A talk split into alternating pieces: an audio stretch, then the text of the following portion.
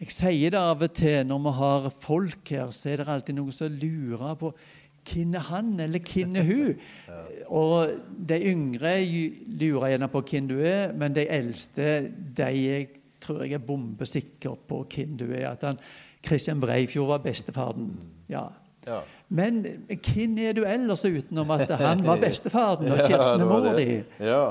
Jeg er Roy Varberg. Jeg er født i Skudenes, men har bodd på Sotra faktisk lenger enn jeg har bodd i Skudenes. Det er litt uh, interessant nå. Um, og så ble jeg jo ja, bestefaren min, så jeg har vært en del på, på Josheim, for jeg bodde jo, eller overnatta jo rett over gata her hos uh, Gudrun og, og, og Christian, altså far og mor Sævland kalte jeg de for. Um, og jeg har faktisk talt her på gamle Josheim jeg, i, for jeg satte satt og regnet på det 36 år siden. Ja. Så lenge siden. Så da var vi akkurat hadde en periode hjemme fra Grønland. Jeg er gift med Anne, og vi har tre unger. Og vi var jo på Grønland i, i to perioder som teltmakere og som misjonstjeneste mens vi jobba og tjente penger og sånt. Og, og det har vi for så vidt fortsatt med. Eh, både misjon og, å tjene penger. så, sånn at vi Eh, sånn at jeg tar ikke penger for å tale her heller. Bare så det er sagt. Eh, for det er et prinsipp, for det klarer jeg meg uten. Eh, men dere skal få gi til Tent-makerorganisasjonen, eh, som jeg er- sitter i styret med, Tent International, som utdanner mennesker reiser ut til land som ikke eh, har lov å være misjonærer, hvor de faktisk får lov å, utøve yrket sitt stort sett i alle land. Og så er de kristne på arbeidsplassen. Det har vært vårt kall og tjeneste, og det er vi fortsatt. Så det, det gjør vi. Og så syns jeg det var veldig kjekt å treffe Marianne igjen. Det er lenge siden. sant? De var jo ungdomsledere fra jeg var sånn 13-14 til, til vi overtok som ungdomsledere. Så, og du vet aldri hva du hadde blitt hvis du ikke hadde fått den hatt de ungdomslederne du hadde. sant? Ole Steinar og Marianne var fantastiske ressurser for oss som, som ungdommer. Så det, det, det er oss, ja. Tre unger og fire barnebarn. ja. Kan ikke du si litt om Grønland òg, for eh, Ja, jeg viste lysbilder for 36 år Ja, siden, så hadde du vært der ja, da, ja, så hadde var- du visst det. Det kan hende jeg var der òg. Men det er, så det er noen år siden, det. ja, det er Ja. det. Ja, nei, vi reiste opp, og så Jeg driver jo, jeg er jo leder for et rederi i dag, offshorerederi, og så da var det fiskebåtrederi. Um, så vi var òg kort tid i Canada en periode. Men, men eh, vi drev altså sammen med Elbjørg og Per Håskjold i starten, og så ble det mer og mer oss. Så fikk vi ei datter der oppe, og vi ja, opplevde ganske flotte ting, egentlig, og utfordrende ting. Veldig mye forskjellig som, som har prega livet vårt, og som har gjort kanskje at troen eh, har gjort oss hva skal jeg si, avhengig av Gud på en helt annen måte enn vi opplevde hjemme, hvor du kanskje har alt. Men som Ole Paus sier, det er jo alt vi har. altså, sant? Det, det, vi har jo reserveløsninger. Sant? Vi har Nav, og vi har hjelp, og vi har familie, og vi har godt. Sant? Vi har økonomi. Det er du i et land hvor det er mye elendighet, forferdelig mye elendighet, så, så er det klart at du er mye mer avhengig av Gud.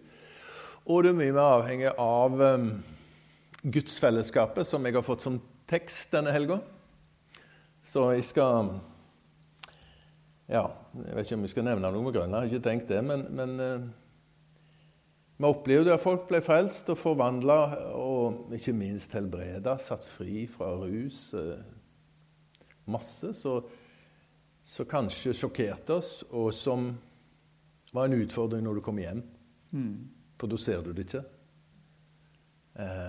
Men det handler jo ikke om troen, men det handler egentlig om settingen. Kanskje Gud er rausere med de som har mer desperat behov enn oss. Sant? Jeg har òg lagt merke til gjennom media at uh, du har ikke vært redd eh, for å fronte kristentrua. Nei, nei, nei. nei. nei Eh, det er jo livet. ja. Altså, mener, for meg er det noe av det viktige. Altså, det er identiteten min å være en frimodig kristen, og det koster meg òg veldig lite nå. Mm. God trening. Ja da, nei da, så jeg, jeg, Det første jeg har gjort på alle arbeidsplasser jeg har hatt, er å få sagt at jeg er, en, jeg er frelst, og jeg, dere er heldige som har meg, som jeg kan be for dere. Jeg kan velsigne dere. Har dere utfordringer, så og når jeg har reist i mange land, spesielt når jeg reiste i, i Russland på 90-tallet, sånn, så hilste jeg alltid og sa at jeg er en born again Christian. Det var liksom ja. uttrykket. Og da fikk du kontakt med masse folk. Ble invitert til husgrupper og alt mulig sånn som du normalt ikke gjør når du jobber i en bank. Mm. Og det var det jeg gjorde i Russland òg. Jobba i bank. Mm. mm. Sånn. Ja, nei, jeg har ikke Jeg tror det er viktig å ha et naturlig forhold til din tro. Og så er vi forskjellige, for all del. Det, eh, det, er ikke sånn at alle skal, Fordi noen trenger litt tilbakeholdne folk, og noen trenger frimodige folk for å tak i tro. Men det er få som lærer Jesus å kjenne hvis ingen sier noen ting. Ja. Nå skal du få lov til å forkynne for oss. Ja. Vi har hatt som jeg sa til deg tidligere, vi har hatt litt fokus på fellesskap ja. eh, denne våren. Vi skal ha det mer senere òg. Og i dag og på søndag så handler det om fellesskap med Gud. Vær så god. Ja, takk. Ja, fellesskap med Gud. Det er det jeg har fått som tekst. Og det, det er litt artig at jeg ble spurt om det nå når jeg fikk tekst, for jeg hadde jo jobba litt med fellesskap i, i menigheten i Fløen òg, med ledere i Fløenkirken i, i Bergen for Haukeland sykehus. Så hvis noen er der på en eller annen kontroll, eller et eller annet, så er det hjertelig velkommen til å komme ned på gudstjeneste på søndag klokka 11. Da har vi gudstjenester med bønnemøter på tirsdager. Um, så er det òg en utfordring å snakke om det, sant? fordi det er jo et enormt tema. Hvor begynner du, hvor slutter du når du skal snakke om fellesskap med Gud? Ehm, men så hadde jeg lyst å ja, starte hva skal jeg si, med litt sånn eh, Hvordan lærer vi folk å kjenne? Ehm, så hvis du, tar, eh, hvis du, bare tar neste punkt Det står for så vidt der i Hoseas. Bare ta dette først. I Hoseas 6 så står det at eh, vi skal jage etter å kjenne Herren. og lære å kjenne Han. Det viktigste av alle, sikkert så soloppgangen kommer, så kommer Han. Eh, så for oss er det viktig å kjenne Herren. Og Hvis du ser på neste, da, så ser vi tre karer som, som de fleste som har en litt peiling og sitter på fotball. Jeg er overhodet ikke interessert i fotball, men til og med jeg vet hvem de er, og har hørt om de, Og tror vi kjenner de. Sant? Og vi, vi, tenker at den ene er arrogant, han andre er skattesnyter, og den tredje han er veldig narsissist. Det er sånt vi tenker om dem. For vi har hørt om dem. Hvor vi har hørt om dem? Jo, kanskje aviser, kanskje sosiale medier, kanskje, kanskje det er kompiser som har hørt noe. Men jeg håper jeg rekker opp hånda hvis jeg har truffet dem, og snakket med dem, hatt en kopp kaffe med dem. Hvem kjenner de? Hvem, hvem? Men vi har masse inntrykk av dem. Og Jeg har tenkt mye på det når, som, som man sa, seg frimodig. Og det, òg når jeg jobber, så jobber jeg, har, jeg har hatt forskjellige lederstillinger i, både i, i bank og i, i rederi og ja, forskjellige komiteer jeg har sittet i. Og sittet i en god del styrer rundt omkring. Og det er sånn en holdning til, til, evangeliet, til Jesus, til Gud, at du skulle tro si, Hvor har de hørt alt dette, tenker jeg. Sant? Kristendommens og evangeliet og Jesusforståelsen i vårt samfunn i dag er ganske begredelig. Og vi blir jo påvirka av det. ikke sant? Både du og meg hører jo dette. Og, og Derfor er det jo enda verre, tenker jeg, når, når til og med våre kristne ledere helst taler om politikk og oljeboring istedenfor å snakke om hvem disse, hva som teller, nemlig å kjenne Jesus. Og få tak i Gud og få fellesskap med Han. Og Det er mitt mål å, på en måte ha som vi ikke Fordi når vi møter mennesker, så må vi ha et forhold til Jesus. Og vi må på en måte ikke kan, bare, eh, Det er nesten som vår befolkning er vaksinert. Og har fått en sånn en bug mot kristendom. Fordi de har hørt så mye og sett så mye. Og så påstås det så mye. Og hvis ikke vi da har et djupt, nært forhold til Gud, så blir vår tro utfordra. Og vår trosforsvar blir ganske patetisk og forsiktig hvis vi ikke kjenner han. Så ta neste på. Og derfor så, Dette er jo litt banalt, men jeg, jeg begynner der. Sant? Altså, hva gjorde han? Sant? Hvorfor døde Jesus? Hvor, hvor, hvor, er han nå? Hvem kjenner han? Hvorfor er det viktig å bli kjent med Jesus? Jeg syns det er fantastisk, den, den uh, historien om den samaritanske kvinna som selvfølgelig hadde en utfordring fordi hun gjemte seg og gikk uh, egentlig på den varmeste tida på dagen så gikk hun og henta vann. Og der møtte Jesus henne. Og så oppdaget hun at Jesus faktisk talte inn i hennes hjerte og, og egentlig frigjorde henne med å fortelle hva hun ba på, og sa at han kunne han fikk lov å be hvor hun var. sant? Og den tiden nå hvor du faktisk kan søke Gud hvor som helst. Og så svarer hun så fint 'Gi meg det vannet som du har'. Og det får hun. Og så springer hun ned til sentrum, til torget omtrent, i den byen, hun som hadde gjemt seg for folk, og så forkynner hun evangeliet fordi hun har møtt Jesus. Og det er den frimodigheten jeg tror som folk Hva skal vi si tenner på. En trygg frimodighet om at du og meg har møtt Jesus. Det er det viktigste i vårt liv, uansett hva vi holder på med. Uansett om vi er banksjef eller ikke, uansett om vi gjør den jobben eller ikke. Det viktigste for oss, og det som setter vår posisjon, det er møtet med Jesus. Så hun slapp helt av i forhold til mennesker etter hun hadde møtt Jesus. Hennes posisjon var ikke lenger styrt over at hun hadde hatt en haug med menn. Men hennes posisjon var styrt over at hun hadde møtt Jesus. Så hun sprang ned i den byen og sier, 'Jeg har møtt Messias'. Og hva skjer da? Jo, da blir det faktisk folk interessert. Og det som skjedde her, det var at de ble veldig interessert, så de sprang jo opp til Jesus. Sant? Og så sier det fantastiske verset sant? Nå så står det i Johannes 4, 42, Nå tror vi ikke lenger på grunn av det du fortalte, for vi har selv hørt ham, og vi vet at den virkelige verdens frelser. Og Jeg er helt sikker på poenget med å bygge dette bygget, poenget med at vi samles, poenget med at vi fortsatt er på jord, er at vi skal formidle at Jesus er verdens frelser.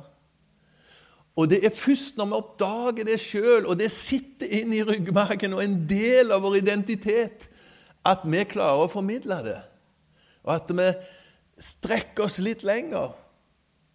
Går den ekstra mila for å møte folk. Sant? Vi ser helt ifra starten, vi kan se helt ifra en femte Mosebok. Eh, så ser vi i kapittel 4 og vers 29 der at eh, når de kom til det nye landet eh, og skulle inn i det nye landet Moses fikk ikke lov å være med engang, men han, han talte iallfall til dem når de gikk der. Og så ville de oppleve kamp, og de hadde opplevd kamp, de opplevde utfordringer, og de kom til å oppleve enda mer utfordringer. Det sa de. De kommer, det kommer til å bli kamp. Dere, må, dere, dere vil utfor, møte utfordringer. Men, sier Moses til dem, søk først Guds altså Guds åsyn. Søk først Gud. Av hele deres hjerte, av all deres kraft, av hele deres sjel. Hvis dere gjør det, så skal dere få se at dere faktisk seirer i det nye landet. At det er dere som vinner. Men hvis dere ikke gjør det, så kommer det til å ramle, for da er det deres kraft dere bygger på. Og så er hele parallellen der igjen når Jesus snakker om det samme.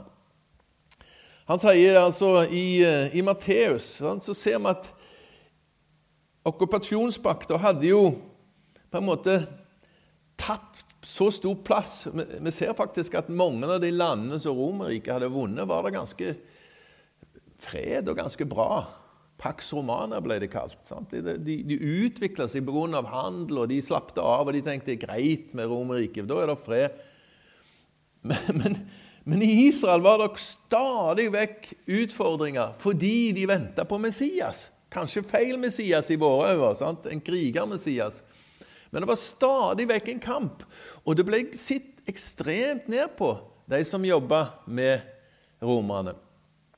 Og så, så, sier de altså at eh, og det var utfordrende, sant? og de ble trukket masse skatt, og ble, de ble hersa med, og det ble enormt mange korsfestelser. Rett før Jesus ble korsfesta, ble 4000 korsfesta samtidig. Som en straff for at de hele tida gjorde revolt. Så det var et terrorvelde på mange måter i Israel på den tida. Og så sier Jesus til dem, sant? Søk først Guds rike. Ikke vær så bekymra for framtida, ikke vær så bekymra for det som skjer rundt. Men søk først Guds rike, så får dere alt det andre i tilgitt. Eller det andre må komme bak i prioritet. Kanskje interessant å snakke om det nå når vi er midt i fasten. Jeg vet ikke hvor mange av dere som begynte for et par dager siden å faste. Det var jo askeonsdag. Vi snakket om det med en guttegjeng som samles hos meg en gang i måneden. Eh, er det fordi vi kristne mangler iver at vi slutter å faste mens muslimene faster veldig?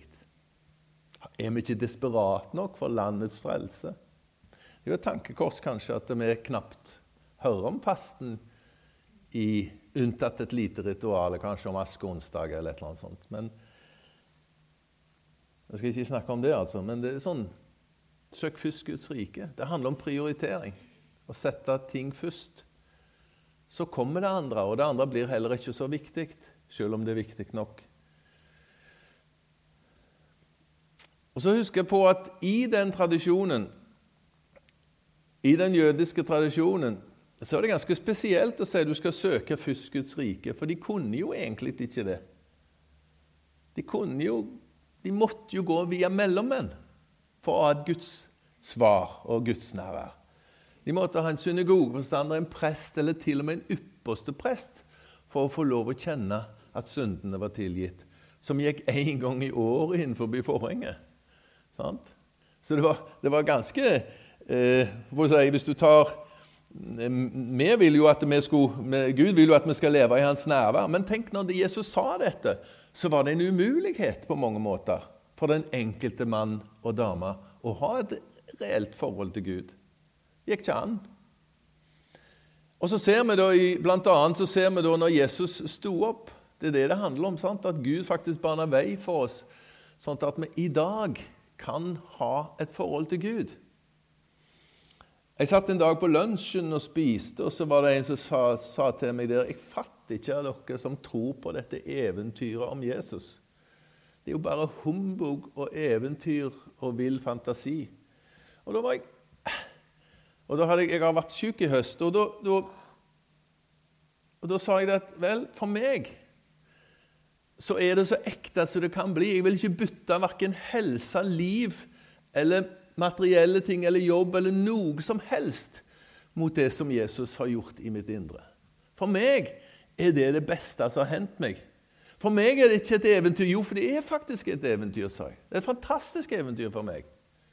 Helt motsatt. sant? Så det, det, det, det, har gjort noe med meg, på en måte. Sant? Jeg, også, eh, jeg har nevnt dette til noen av, eh, på møter og, i, i, samtaler, at jeg opplevde jo når jeg var syk, å ikke få bønnesvar for helbredelser, ikke få bønnesvar for smerte. Ingenting. på en måte Vi ba, ingenting virka. Og det ble ganske utrolig nok trosstyrkende for meg. Det, det, det satte meg på rett plass i forhold til frelsen, i forhold til gudsforholdet mitt, og i forhold til Guds storhet. For Gud er helt uavhengig av meg, selv om han har gjort seg avhengig av Guds menighet. Så han er helt uavhengig av meg som enkeltperson, om jeg blir helbredet eller ei. Gud er den samme. Og det ble så stort og så fantastisk og så rikt inni meg at jeg ikke fikk bønnesvar. Det høres jo helt merkelig ut. men men for meg ble det viktig fordi Gud er helt uavhengig av oss som skrøpelige mennesker, som enkeltpersoner. Om jeg hadde dødd, så var Gud den samme. Om jeg lever, så er Gud den samme. Mitt fellesskap med Gud er fordi Han bante veien. Det handler ikke om jeg får svar på bønn eller ikke svar på bønn sånn som jeg vil ha det. Og det ble viktig for meg og stort for meg. Så hvis vi ser her i, i eh, forhenget regner, Hvis dere leser i brevbrev, så ser dere litt mer om strukturen. Jeg skal ikke si så mye om det. det kan godt hende dere alle kan det òg. Men i alle fall sånt at det var ypperst jeg lov å gå én gang i året inn og høre hva Gud sa. Det er jo ganske utfordrende å ha et nært gudsforhold via, via, via. Og så er det jo i dag så forhenget revner, sånn at vi har adgang inn til Guds hjerte med sang der på grunn av Jesu blod. Sant? Så kan vi nå fram med frimodighet. Sant? Vi har frimodighet til å gå inn. Inn i helligdommen, tilbe Han, være i Guds nærvær. Det er jo fantastisk. Og det er jo sånn det er at du og meg har rett til å kalles Guds barn og ha fellesskap med Han fordi vi er født av Han, og det nye livet vårt er født av Han. Det er en utrolig situasjon som vi nesten ikke kan forklare, men det er så fint å oppleve det. Og Så ser vi i 2. Korinterne, der står at sløret blir tatt vekk. Og, og det er klart at de så jo på mange måter veien til frelse. Men de så det ikke likevel, fordi det var et slør over øynene. Og det er nesten det farligste vi kan ha. Jeg skal si litt om det etterpå. Om, om faktisk så kan vi òg miste det selv om vi har fått tak i Jesus. Så, så slør ble tatt vekk med at vi fikk Den hellige ånds åpenbaring. Uten det så blir jo ordet bare ord. Men det er når vi har Den hellige ånd i vårt indre, at ordet blir levende, og Jesus blir levende for oss. Jeg skal snakke mye mer om det på søndag. Da skal jeg snakke om kristologien, eller Jesusfellesskapet vi har, som, som eh, Kolosserbrevet taler om. Eh, men, og Så står det òg at alle som drives av Guds ånd, de er Guds barn. Og Så sier jo Peter det, det fantastiske verset i Jan Peter brev kapittel 1. Skal jeg lese de versene? Det er, det er sånn at du, du tenker Er det mulig, det som står der? For det føles ikke alltid sånn.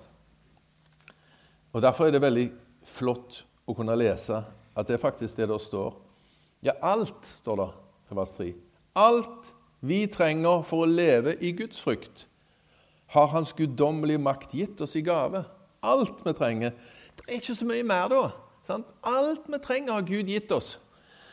Ved at vi kjenner Ham som kalte oss ved sin egen herlighet og makt. Det er altså gudskjennskapen som vi tar helt i starten. La oss jage etter å kjenne Gud.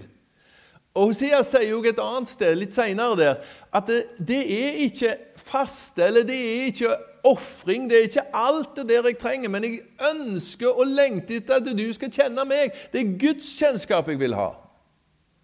Hvorfor er det så viktig for Gud at vi skal kjenne Han? Jo, for det er det som skaper soliditet i oss. Det er det som gjør at vi står når stormene er. For vi kan bygge fine hus hvis de ikke er grunnlagt på kjennskapen til klippen og fastheten der. Så glir vi, og så faller vi når stormen kommer. Slik har vi fått de største og mest dyrebare løfter. Ved dem skulle dere få del i guddommelig natur når dere har sluppet unna forfallet som kommer fra lystne i verden. Altså, vi, vi har fått alt som han ga oss i, i eh, Alt som vi trenger med at vi kjenner Han som kalte oss ved sin egen herlighet og makt. Og så er det jo sånt at selv om du opplevde å få tak i Jesus og kjent han, så opplever vi jo alle at tankene våre blir påvirka. Og Det er det Jesus snakker om å vaske beina eller å ha øyensalve. Både øyensalve taler Bibelen om, for de som hadde allerede fått syn, og vaske beina for de som allerede var rene. Fordi det kommer ganske mye si, negativt inn i våre liv når vi lever. Jeg tror ikke du slipper unna det om du blir munk i ørkenen, eller om du reiser til ytterste klippe i Irland heller. Sant? Jeg tror ikke det. Fordi det er oss sjøl mye av dette handler om. Så, så hvis du tar neste der, så så ser vi at eh, selv aktivitet kan, kan, ta livet av oss. Eller ta eh, og få slør på øynene. For vi blir så opptatt av aktivitet. Martha vet vi om. Sant? Hun gjorde en masse positive ting. Men det var Maria som hadde valgt den gode delen. Og som Jesus sa tidligere, som jeg leste tidligere, at eh, søk først Guds rike. Det å søke gudsfellesskapet, gudsforståelsen, det gjør noe med òg rekkefølgen hvor vi prioriterer i livet. Det som Paulus sier til galaterne, er nesten sånn at du tenker Er det mulig å si det til kristne brødre? Han sier faktisk uforstandige galater i kapittel 3, vers 1. Hvem er det som forhekser dere? Forheksa! Jeg mener, du kan jo bli fornærma av mindre. Men vi ser Galaterbrevet. De på en måte sa, sa jo, hele Galaterne hadde kommet inn der, der det ikke var nok med å ha et forhold til Jesus. Du måtte gjøre noe ekstra. Og det skumle er faktisk at det, det så så kristelig ut. Det så så flott ut religiøst, men det ødela for synet. De hadde tunge øyensalve. Så han sier rett og slett Hvem er det som forhekser dere, dere som har fått den korsfesta Kristus malt for øynene deres? Så selv om en har oppdaget Jesus, fått tak i han, så går det an å miste helt taket etterpå.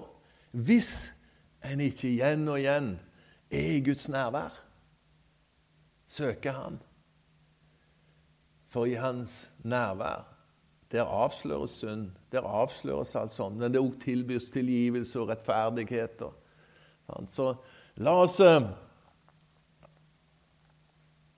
La oss søke Han. Og du vet, I Johannes eh, så er det disiplene Det er jo forunderlig over eh, Jeg regner med flere av dere har sett ganske mange episoder av The Chosen. eller er ganske interessant å lese eller å, høre, å se på de episodene, syns jeg. fordi jeg syns han har har viser så godt det menneskeligheten blant disiplene. Hvor forskjellige de var, og hva forskjellig kulturbakgrunn de hadde, og holdninger de hadde til ting. Og hvordan de krangler om ting. og Bibelen viser en del av det, men viser ikke alt. Men viser i alle fall en del av det, og hvordan de strevde med å forstå det som Jesus gjorde. Og Når, blir, når da Jesus blir spurt om du, du må vise oss Faderen, du må vise oss Gud så blir han litt sånn oh. De hadde jo opplevd alt. Opplevd helbredelser, opplevd fantastiske ting.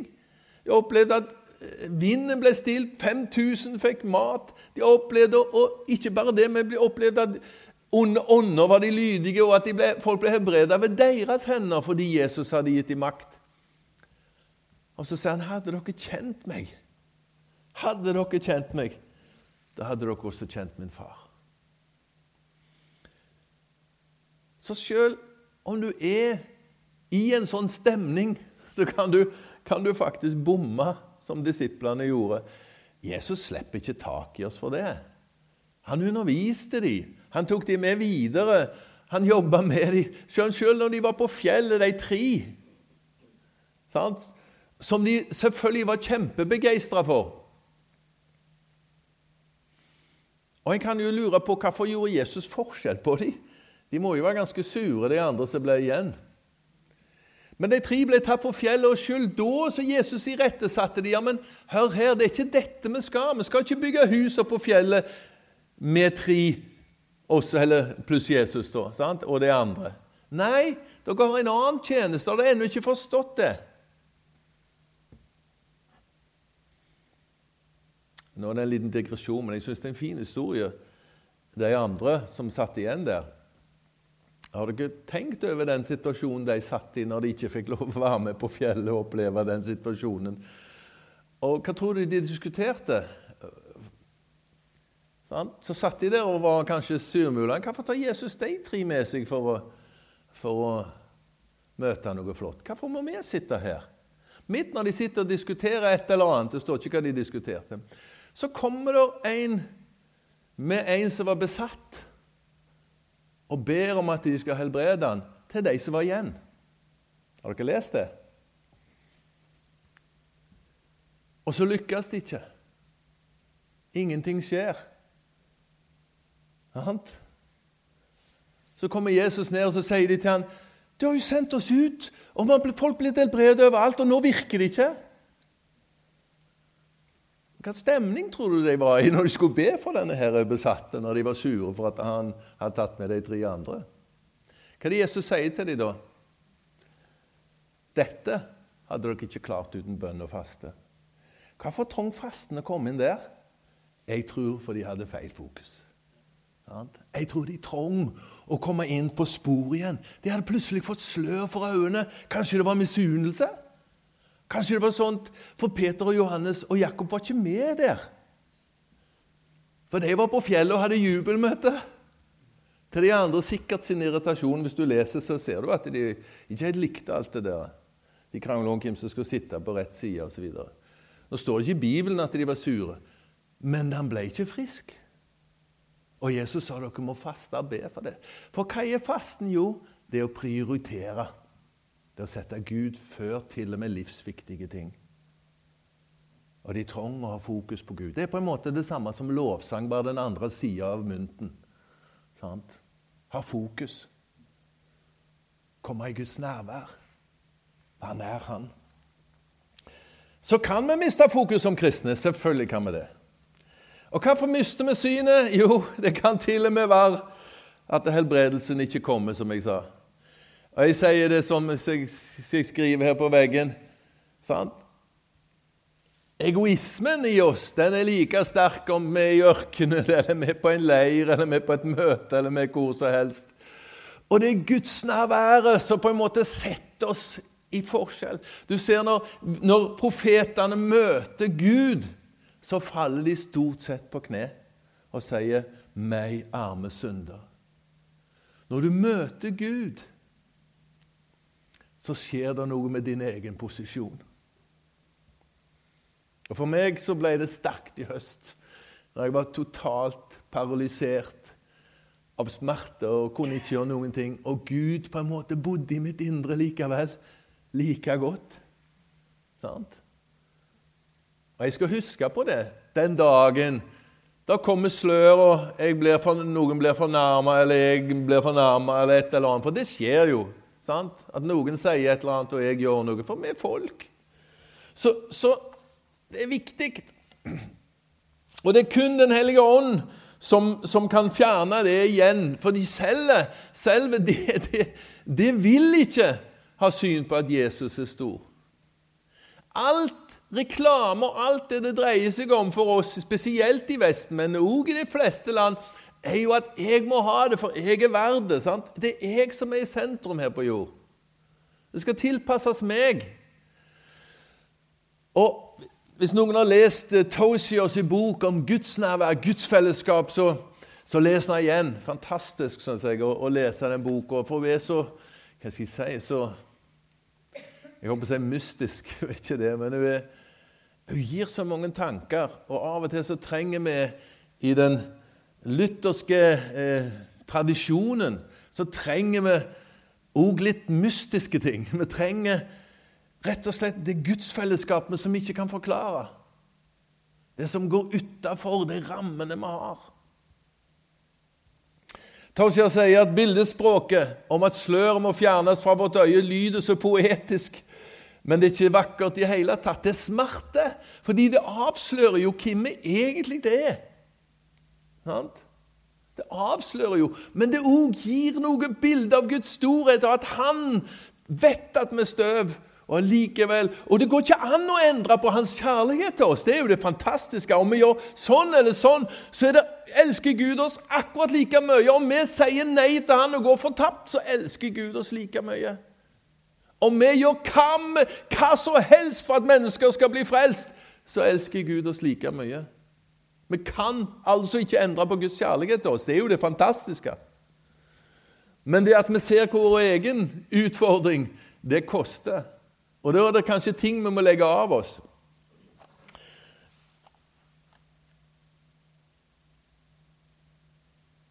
Jeg satt og tenkte på dette når jeg forberedte meg, at vi faktisk kan Hvis du tar neste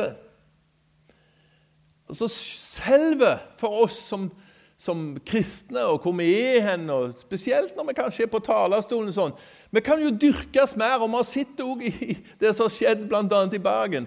Sant? At sløret kan komme fordi vi til og med blir dyrka i Guds menighet. Sant? At cellet kan dyrkes like mye på et sommerstevne som på en pub som kristen. Kanskje mer. Og dette med Du spurte om jeg var misjonær og frimodig. Jeg sa jeg vil komme inn på det. For det er klart at det, i dag så er det mer sånn at vi må finne en menighet som passer meg. Et fellesskap som jeg vil ha. Som er akkurat sånn som jeg vil ha. Og det kan være mange ting som, som, eh, som uh, Ja, sant? Dere ser hva det står der. Og jeg tenkte Hvor mange misjonærer hadde da reist ut for å forkynne evangeliet hvis de skulle der de skulle? Hvis jeg hadde, vi hadde reist til Grønland den gangen og sagt at ja, nå håper jeg menigheten der oppe har det barnearbeidet, det koret, den musikken. Og ikke minst må de snakke norsk. Forstår du poenget mitt? Av og til så setter vi sånne rammer som er helt absurde i forhold til det kalde Gud har gitt oss. Vær nær Han, sånn at vi kan spre evangeliet ut til de vi møter, uansett. Det hadde ikke vært en eneste misjonær hvis det var holdningen til alle, alle frelste. Det hadde ikke gått an. Det hadde ikke kunnet reist en plass. Og Det kaller jeg òg slør. Så Gud må gi oss øyesalve, så vi ser at hva er det vi holder på med. sant? Jo, vi ønsker å kjenne Gud, sånn at Gud blir stor i vårt indre, sånn at vi kan formidle evangeliet hvor vi enn er. Når vi kom til Grønland, så var det én voksen som ønsket å gå i menigheten. Jens Heilmann het han. For han kunne litt svorsk. Og Han syntes det var greit å treffe oss, for han hadde vært i Syden. Det var den menigheten vi skulle bygge på. Det var heldigvis en god del unger som gikk. Så Anne begynte å ha barnemøter hver dag, unntatt lørdag, med mat og sang og musikk. Eh. Vi besøkte Jens siste gang i 2014, tror jeg, før han døde. Og fortsatt så holdt han fast på troen, men jammen hadde han mange, mange, mange fall. Mange fall i rus og elendighet. Men jeg er sikker på at jeg skal møte han hjemme i himmelen. Helt sikker. Helt sikkert. Der satt han i senga. Begge beina var kappa. Han var så dårlig og gammel. Han, hadde, han var så skada av uh, maling, for han var maler, og den gangen vet du, du malte uten masker og uten ting og all slags uh, stoffer inne i leilighetene, så han var ikke helt god. Men han var Guds barn flott for oss å se. Men noen av de episodene vi opplevde med Jens, er ikke mulig å fortelle i et lokale. Sant? Og Hvis vi da skulle sagt nei, denne menigheten passer oss ikke, vi vil være for oss sjøl, det hadde ikke gått. Vi hadde iallfall ikke sett den i himmelen.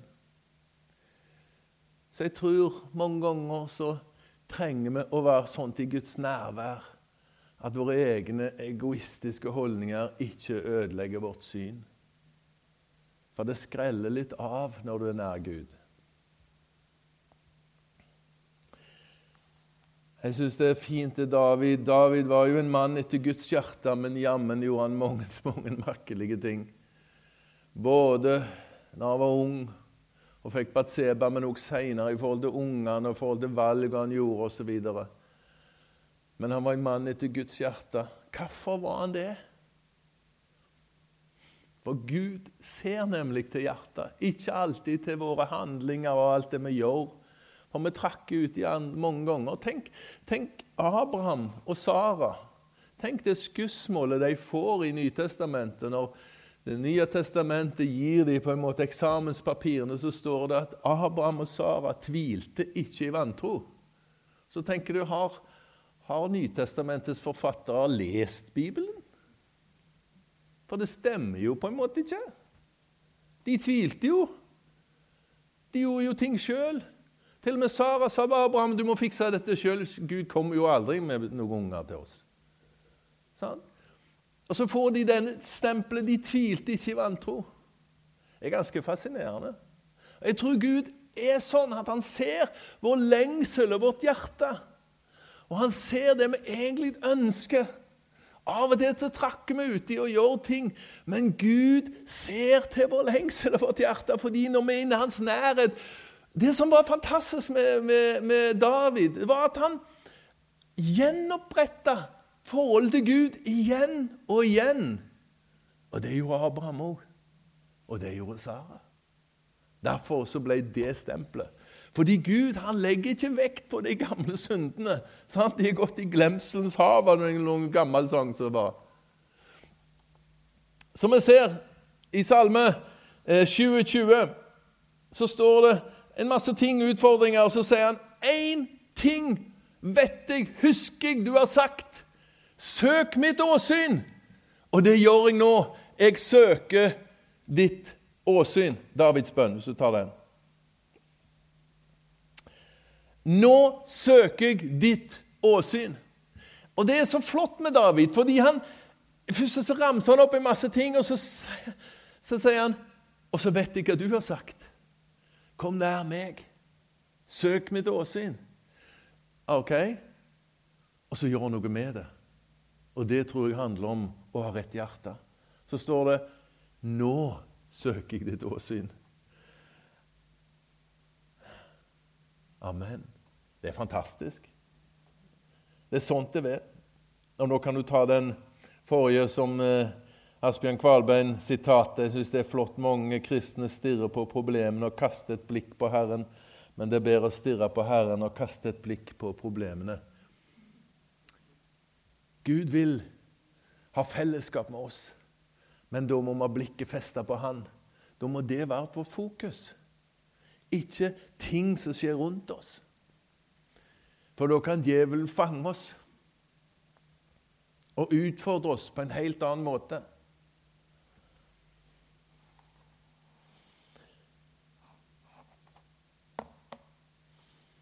Det som jeg sa under Davids bønn, det er at i Guds nærvær avsløres synd, gis tilbud om rettferdighet, gis tilbud om tilbedelse. Der skapes det fred og fellesskap. Vi kan velge den veien ved Den hellige ånds kraft og hjelp. Og så er det sånn at troen er en gave. Rettferdigheten er en gave. Det er Guds verk, òg helliggjørelsen. Og det er Guds verk, herliggjørelsen. Det sier Bibelen. Så egentlig så er det jo Gud som skal gjøre dette. Men det er likevel et men. Vi må velge. Vi må velge hvor vi vil ha fokus, hvem vi vil bli påvirka av, hvem vi vil åpne vårt hjerte for.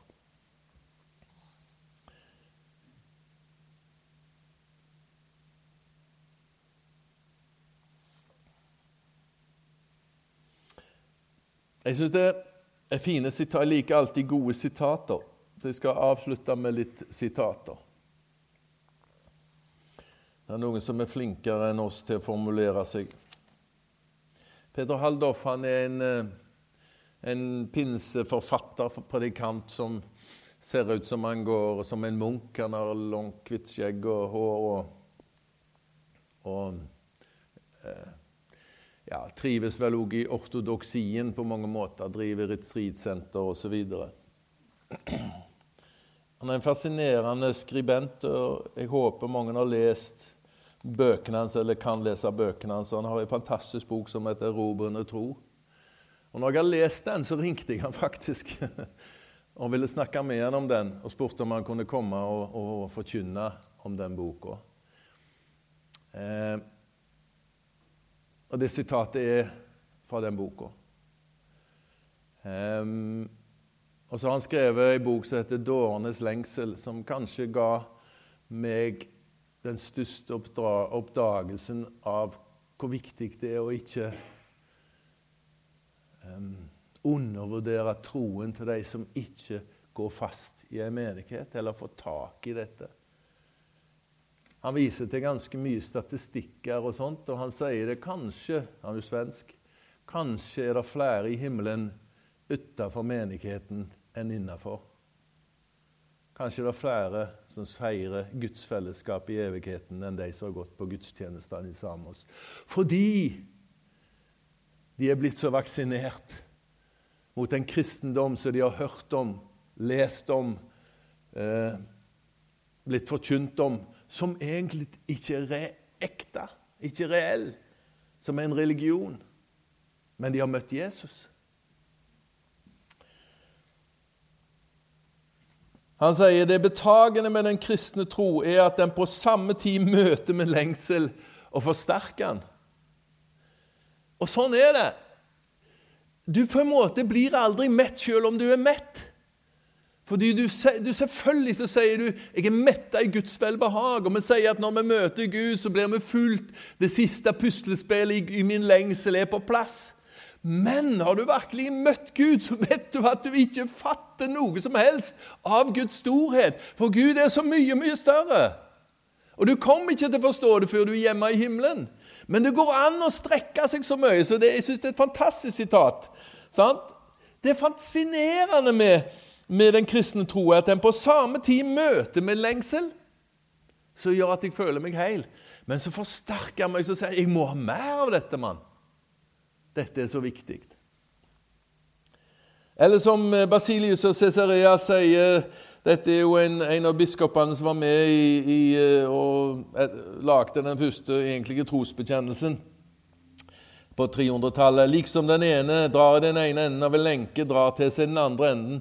Slik er det med den som trekker til seg Ånden. Han trekker til seg både Sønnen og Faderen. Fordi de er ett, så søker du Jesus.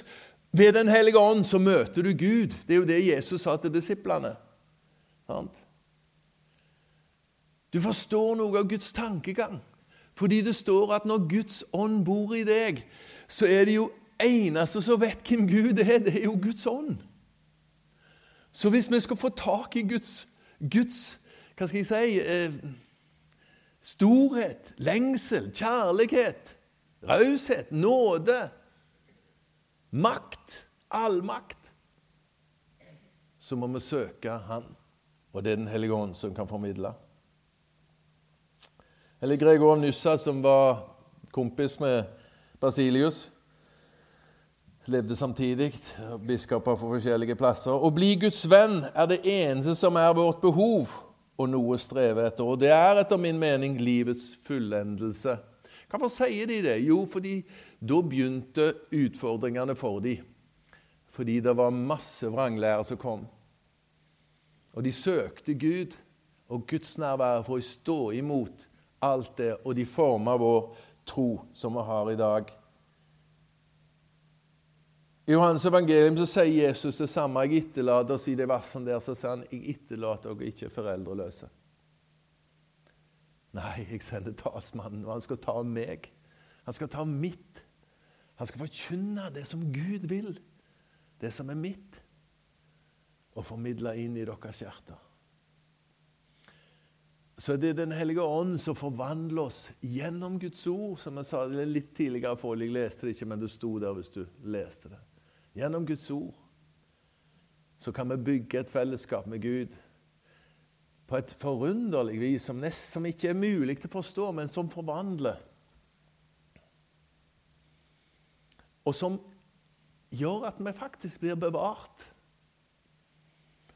Og Noen ganger så tenker du er det mulig at ting, ting kan skje så lenge etterpå, og så har du kanskje følt jeg tar en lite, liten historie fra Grønland om akkurat det. Hvor vi fikk en trosstyrkning når vi eh, Jeg var 14 eller 15. I 2084 Nei, påsken 85 hadde vi en kampanje uten i ei lita bygd som heter Kangamjut. Og Der ble det noen familier frelst, bl.a. en familie som var helt unge, sånn som oss. Jeg hadde et par småunger som vi hadde. Og Det var vanskelig å kommunisere med dem, for de kunne ikke dansk-norsk. De kunne kun grønlandsk. Men vi klarte å formidle litt evangeliet. Og vi hadde tolk, selvfølgelig. Og så ble det ganske utfordrende der, for det var enorm motstand. Uten å gå for langt i det, så var det betydelig motstand. Og vi fikk ikke lov å leie bygg, og det var masse ting som skjedde. Så det gikk en god stund før vi kunne treffe dem igjen. Og selvfølgelig var vi redd. Har de mista troen? Hva, hva, skjer med dem? Ingen snakker med ingen undervisning, ingenting. Og, og tenk det, i i 84, 85, 86 så var det ikke mulig å oppdrive en grønlandsk bibel eller Nytestamentet. Tenk det. Fantes ikke. Fordi de hadde lagd en oversettelse som Pål Egede, som dere kanskje har hørt om Hans Egede, sin sønn. Han lagde skriftspråket. Og så, og så ble det skriftspråket litt sånn gammeldags. Helt annen måte å skrive på i dag. Så de lagde nytt skriftspråk seg i ja, kanskje på 60-70-tallet. 70-tallet, kanskje. 60-tallet. Eh, og, og, da hadde de ikke lagd den nye Bibelen ferdig på det nye skriftspråket, så de hadde kun den gamle. Og da sa Bibelselskapet vi trykker selvfølgelig ikke opp nye. Så alt var utsolgt, og fantes ingen plass. Og hva gjør du da når folk blir frelst, og du ikke kan gi dem Guds ord, og ikke kan dansk, ikke norsk, ingenting, ikke engelsk? Så vi var ganske desperate. Heldigvis så så hadde vi jo kontakter, og jeg, vi drev jo rederi, som hadde jo liksom kjøpt jo fra alle slags landhandlere osv. Så, så vi fant faktisk en kasse lurer på om vi fant med 50 Nytestamenter oppe i Tule, oppi, helt oppe i nord, i et nedstøva lager som noen fant i en gammel, gammel kasse med gamle Nytestamenter, som vi fikk sendt ned til menigheten vår da i, i 85. Og fikk begynt å dele ut. Men poenget mitt var at vi ble bekymra. Og så i 86-87 som hadde litt for lite kontakt med dem. Men så hadde vi òg en leir igjen i, i, ute der og, og i 88, og de var med. Men så, så, glir jo ting vekk, og så kommer det andre inn, og så prioriterer, prioriterer de annerledes, og ingen hadde hatt møter der siden 89. I 2015, når vi kom der opp, og så kom vi litt overraskende på besøk, men så hør, vi landa vel på en torsdag, kanskje.